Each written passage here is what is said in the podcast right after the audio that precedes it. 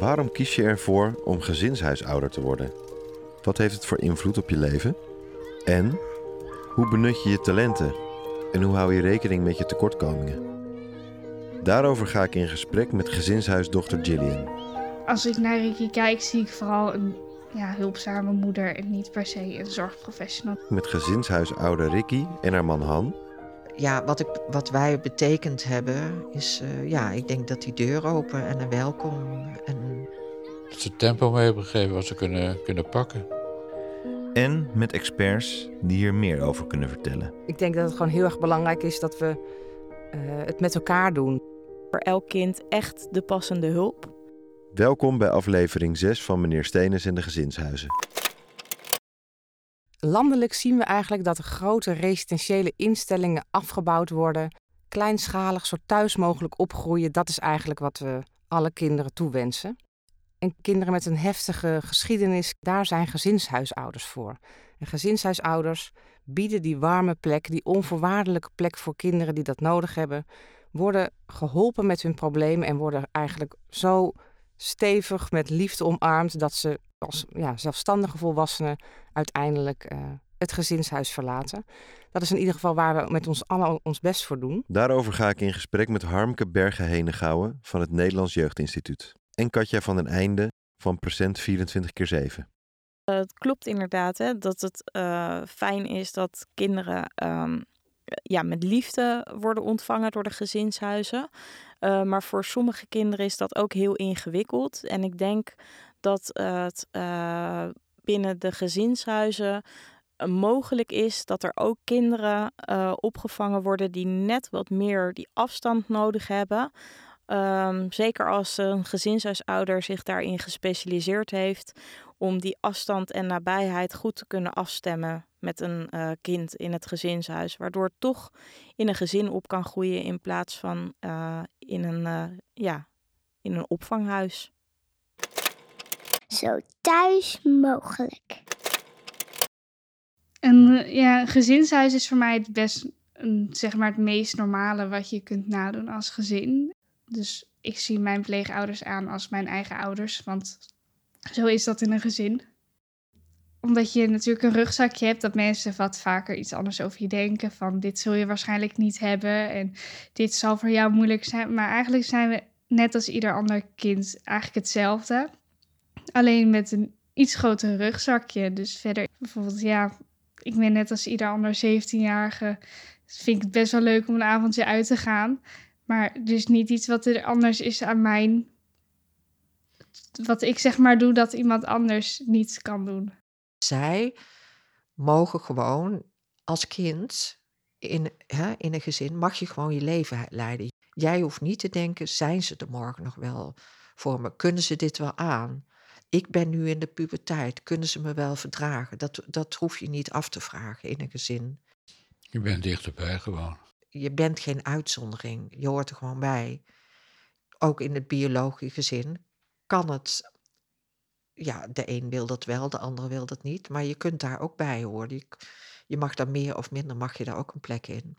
Onze kleinkinderen hebben geen idee, bijvoorbeeld van Gillian of Ricardo, uh, hoe dat nou zit. Zij zijn gewoon onderdeel van ons leven. En uh, gaan ook op die manier met hen om. Dus dat is wel heel mooi. Je komt lekker thuis, je hebt je eigen plekje, je hebt je eigen kamer. Je kan je eigen hobby's en uh, leuke dingen doen. Je kan verdrietig zijn als je dat wil. Je kan boos zijn als het nodig is. He, dat je alles van jezelf mag laten zien en dat je jezelf daarin uh, mag ontwikkelen in het gezinshuis. Dat is denk ik belangrijk. Ik doe de opleiding die ik wil. Ik uh, spreek met vrienden af. Leuk. Het is allemaal heel gezellig. Gaat allemaal zoals ik wil. Dat is vooral erg fijn. Ja, gaat eigenlijk heel erg goed. Way of life. Als ik kijk naar mijn eigen keuzes die ik heb gemaakt om gezinshuisouder te worden, dan is dat niet zozeer dat ik heb gekozen om dit werk te doen, als wel om die kinderen in mijn leven een plekje te geven en uh, ja, dat zij gewoon bij mij mogen opgroeien. Je hebt, dus, je hebt als de expertise, je hebt een opleiding gedaan en je hebt uh, kennis die je steeds aanvult. Maar het is eigenlijk wel veel meer dan alleen kennis en een baan hebben. Eigenlijk kun je zeggen dat een gezinshuisouder een soort way of life is. Ik ben het daar zeker mee eens. Dat, uh, ik vind ook wel dat je echt de liefde daarvoor moet hebben om een gezinshuisouder te zijn. Want als je, je, als je daar niet, uh, ja, geen passie voor hebt, dan kun je dat eigenlijk ook niet doen. Het is natuurlijk uh, persoonlijk. ik heb best veel met gezinshuisouders contact. En voor sommigen loopt hun professie meer vooruit dan hun persoonlijke kleur. Natuurlijk doet iedereen het ook met een hart, want anders haal je geen kinderen, geen jongeren, geen volwassenen die extra zorg nodig hebben in je eigen leven, in je huis. Als ik naar Ricky kijk, zie ik vooral een ja, hulpzame moeder en niet per se een zorgprofessional. Daar denk ik niet eigenlijk, ja, daar denk ik bijna niet aan. Als wij s'avonds aan tafel zitten bijvoorbeeld, of aan het ontbijt, of als wij overdag leuke dingen doen, dan zie ik er echt wel aan als een moeder. Maar zodra we aan het, ja, als we, zodra we het hebben over zakelijke gezinshuisdingen, dan zie ik er wel weer aan als zorgprofessional. Ligt een beetje aan in welke situatie we zitten op dat moment. Het is eigenlijk een jas, nou verschillende jassen die je hebt, die je bewust en onbewust aantrekt en weer uitdoet. En ja, voor mij voelt dat gewoon heel erg natuurlijk. Eh, er zijn wel eens momenten als ik dan aan de telefoon ben, hè, van nou, ik moet het even regelen. Of ik zit, uh, ik wil graag ook eigenlijk dat ze weten en meekijken wat ik over ze schrijf. Dan zeggen ze ook van, hey, zit jij in ONS? Zit je wat te schrijven? Ik zeg, kom je even bij me zitten. En dan, nou, dan, dan sla ik dat even open, want ze kunnen, mogen natuurlijk niet met anderen mee, wat ik over anderen schrijf, meelezen. En dan zeg ik, wat vind je ervan? Hè? En uh, kun je er iets onder schrijven? Dus, want ook daar ga ik de persoonlijke benadering. Hm? Nee, het heeft ook met betrouwbaarheid te maken, wat je uitstraalt naar de, naar de jongeren toe natuurlijk. Of het klopt wat je zegt, wat je voelt, wat je verbindt. Ik denk als je het mens zijn van jezelf niet kan inzetten, dan lukt het ook onvoldoende om uh, gezinshuisouder te zijn. Ja, zonder je eigen mens zijn is het, uh, ja, dat lukt niet. Nee. Dat staat eigenlijk op nummer één. Ik denk dat het handig is als je daar een duidelijk beeld hebt wat jij belangrijk vindt, want dan kun je ook uitstralen. Dat kun je ook meenemen. Uh, dan kun je ook goed afstemmen welke jongeren bijvoorbeeld goed bij jou passen in huis. Specifieke expertise. Als we kijken naar gezinshuizen, dan uh, proberen wij maatwerk te leveren voor de kinderen. En dat betekent dat iedereen eigenlijk met zijn eigen kracht en kwaliteiten zijn gezinshuis neerzet. En uh, binnen de gezinshuizen worden ook allemaal verschillende soorten kinderen opgevangen. Um, kinderen uit de jeugdzorg, maar ook kinderen uit de gehandicaptenzorg. Met allerlei verschillende soorten problematiek. Ja, dus je hebt als gezinshuisouder eigenlijk een specifieke expertise die past bij de kinderen die in jouw gezinshuis wonen. Stel je voor, er zijn een aantal kinderen die uh, een trauma hebben meegemaakt, dan is het als gezinshuisouder heel erg fijn en goed om kennis te hebben van die trauma's en hoe je dat behandelt. En zo zijn er eigenlijk allemaal verschillende expertises die je kan uh, opbouwen als gezinshuisouder, waardoor je dus ook maatwerk kan creëren en verschillende gezinshuizen hebt voor verschillende problematieken van de kinderen. Ja, of ik met de ene problematiek beter om kan gaan uh, dan met de andere problematiek. Dat, daar is moeilijk een eenduidig antwoord op te geven, want het gaat toch vooral om de klik, om de mens. En om de moeite die je daarin stopt en die je erin kunt en wil stoppen. Ik heb wel vaak, vaak ook als uitgangspunt wie past er bij de ander hier. Dat vind ik wel goed om naar te kijken. Die anderen hebben, die gezinshuisjongen hebben een kwetsbaarheid. Zet ik die, uh, hè, is die in groei, in ontwikkeling? Zet ik daar iemand, komt er iemand bij die daar een extremere uh, iets in laat zien? Bijvoorbeeld, dat kan over automutilatie of zo gaan. Nou, nee, dan ga ik dat niet doen.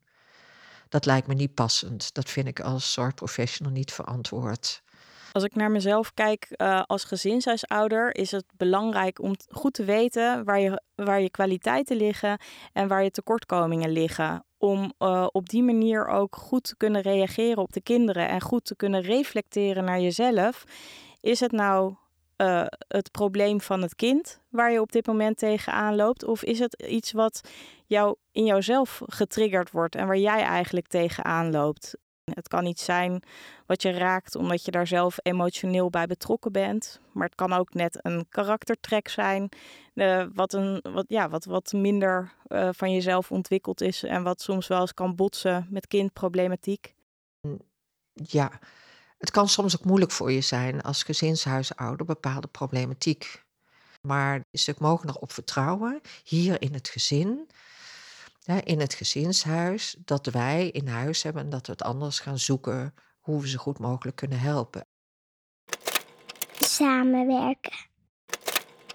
Het kan niet zo zijn dat een gezinshuisouder alles kan.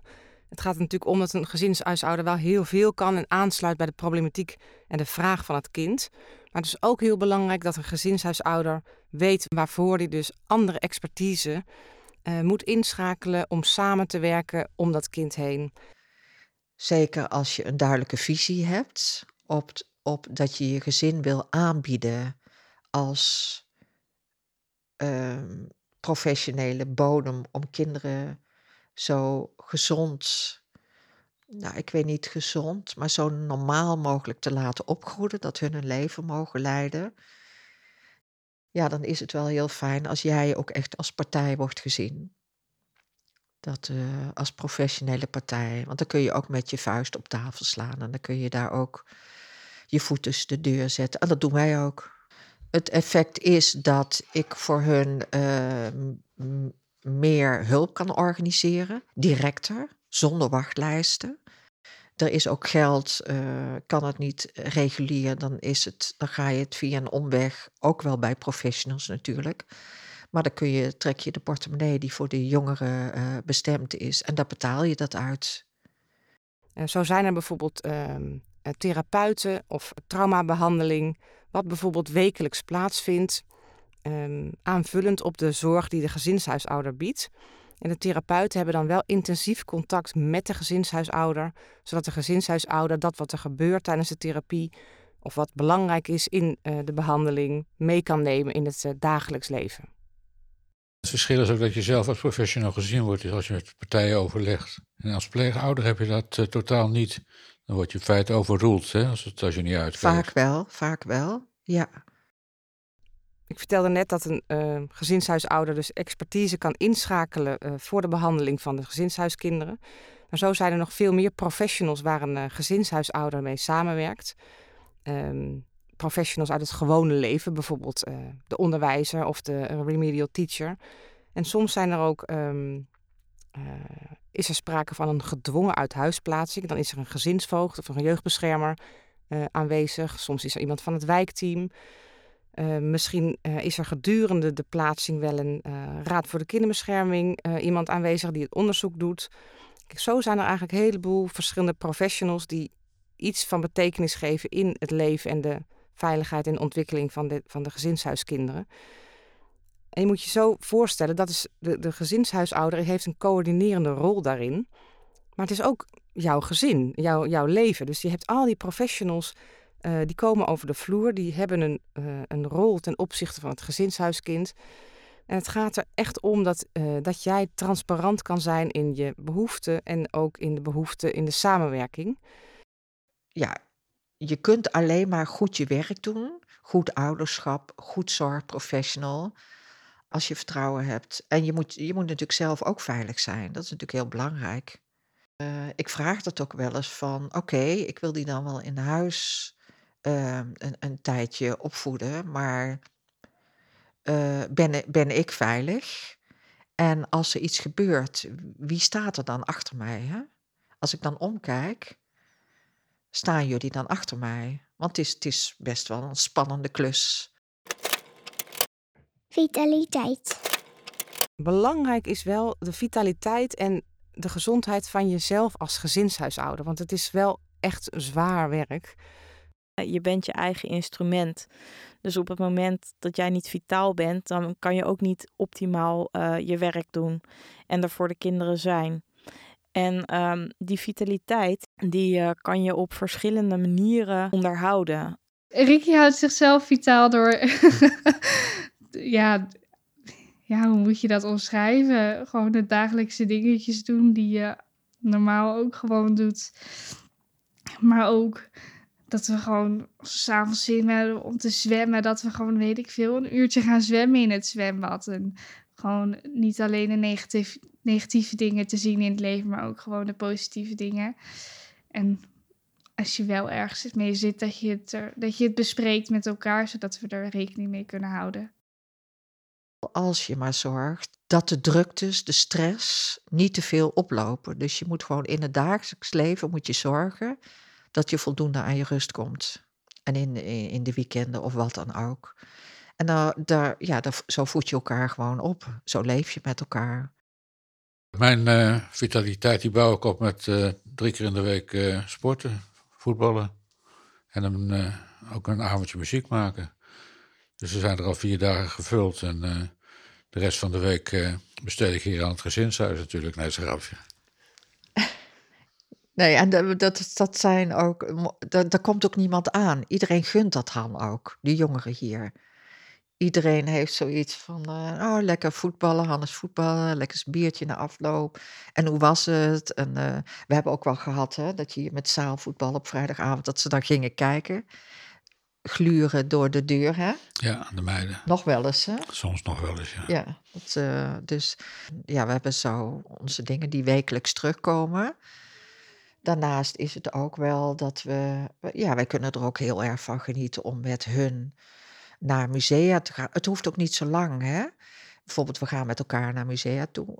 Uh, in het begin vonden ze dat sommigen hier heel raar, daar waren ze nog nooit geweest. Maar dat is wat wij leuk vinden. Ja, we hebben bijvoorbeeld voor iedereen museum kaarten gekocht. Dan kun je zeggen, het gaat van het zorggeld af, maar dat vinden wij nog net niet. Dus voor ons is het dan ook gewoon heerlijk en relaxed om dat dan te doen. Het is heel belangrijk om bij jezelf te denken van waar haal ik nou energie uit? En dat kan dus ook inderdaad een lekkere wandeling over het strand zijn. Of een dagje met een vriendin naar de sauna gaan. Of met iemand uit eten gaan en even weg zijn uit het gezinshuis. Nou, wij heten dan Driestroomhuis Iris. Iris heeft heel veel in het ziekenhuis gelegen. Uh, hij had een ziekte, taaislijmziekte, is daaraan overleden.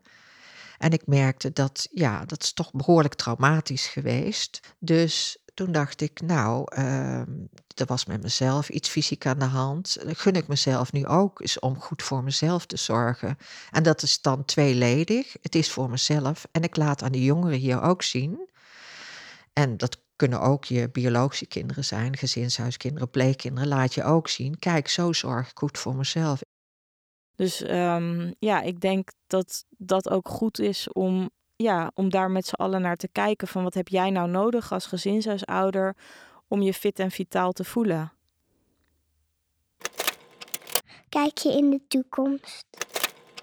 Ja, als gezinshuisouder wil je natuurlijk het beste voor alle kinderen die in je gezinshuis komen wonen. En um, nou ja, we hebben hele mooie verhalen gehoord in de podcast. Um, maar het uh, is niet altijd even rooskleurig als wat we in de podcast hebben laten zien. Dus daarin zijn we ook nog wel heel erg zoekend in het werkveld. Van wat is er nou voor elk kind echt de passende hulp? Ik denk dat het gewoon heel erg belangrijk is dat we uh, het met elkaar doen. Dat, dat gezinshuisouders dat niet alleen kunnen doen. En dat we uh, integrale jeugdhulp nodig hebben om, om ons allemaal om de kinderen heen te vouwen en ze te ondersteunen op de weg naar volwassenheid de mensen die willen, hè, die iets willen betekenen, concreet, hè, zorg dat die toegerust zijn en zorg dat die hun werk kunnen doen.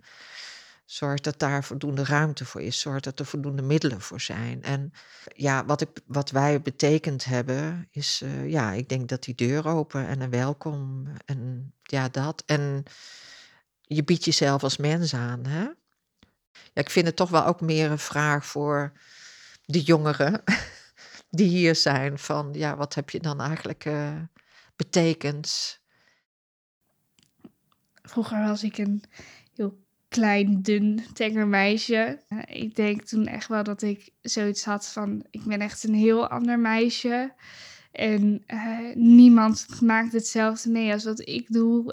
Maar op een gegeven moment hoor je weer van anderen van, oh ja, en ik woon alleen met mijn moeder, want mijn vader, mijn ouders zijn gescheiden, zeg maar, zulke dingen. En dan heb je ook weer zoiets van, oh, ik ben niet de enige die in zo'n situatie zit. En op die manier kom je steeds meer dingen tegen. En dan heb je eigenlijk zoiets van, eigenlijk ben ik gewoon net als ieder ander die wat heeft meegemaakt. Want iedereen maakt wel eens iets mee. Dus ook op die manier ben ik heel erg zelfverzekerd geworden. Ik denk dat, het, uh, dat, dat je wel kan stellen dat we zo'n uh, een hele hoop kinderen een hele goede zet in de rug gegeven hebben. Dat ze tempo mee hebben gegeven wat ze kunnen, kunnen pakken. Dat is denk ik het mooiste wat er is. Dat weten we zeker. Oh ja, dat is wel een mooi woord, tempo. Dat uh, we bijvoorbeeld, als iemand hier komt op zijn veertiende en die, uh, nou ja, die is hier dan een aantal jaar en die zegt, ja, waarom moet ik dat? En dan zeg ik ook, we hebben een paar jaar. En uh, laten we een beetje tempo maken, want wie gaat jou anders leren hoe je zelfstandig kunt reizen, hoe je je was doet, hè? hoe je zorgt dat je niet, uh, uh, niet te kwetsbaar bent om de wereld in te gaan. Dus ik denk, dat is, is wel een mooi woord dan, tempo. Ja als ik 18 ben, ga ik nog zeker niet op mezelf wonen. Ik blijf nog gezellig hier in dit gezin. Ik ben nu in het eerste jaar van mijn studie. Mijn studie duurt uh, vier jaar op het MBO. En daarna kan ik nog vier jaar door op het HBO. Ik ben wel van plan om door te studeren na het MBO. Dus ik heb nog een lange weg te gaan. Dit was een aflevering van meneer Stenes en de gezinshuizen. Een zesdelige podcastserie over kinderen en jongeren die opgroeien in gezinshuizen. In deze aflevering waren we in het gezinshuis van Ricky en Han. Meneer Steners en de gezinshuizen wordt gemaakt door Visionair Ordinaire. In opdracht van de branches gespecialiseerde zorg voor jeugd. Present 24 keer 7 Nederlandse Jeugdinstituut gezinshuis.com Vereniging van Nederlandse Gemeenten het OZJ en het ministerie van VWS. Kijk op www.voordejeugd.nl voor meer info. Dag meneer Steners, tot de volgende keer.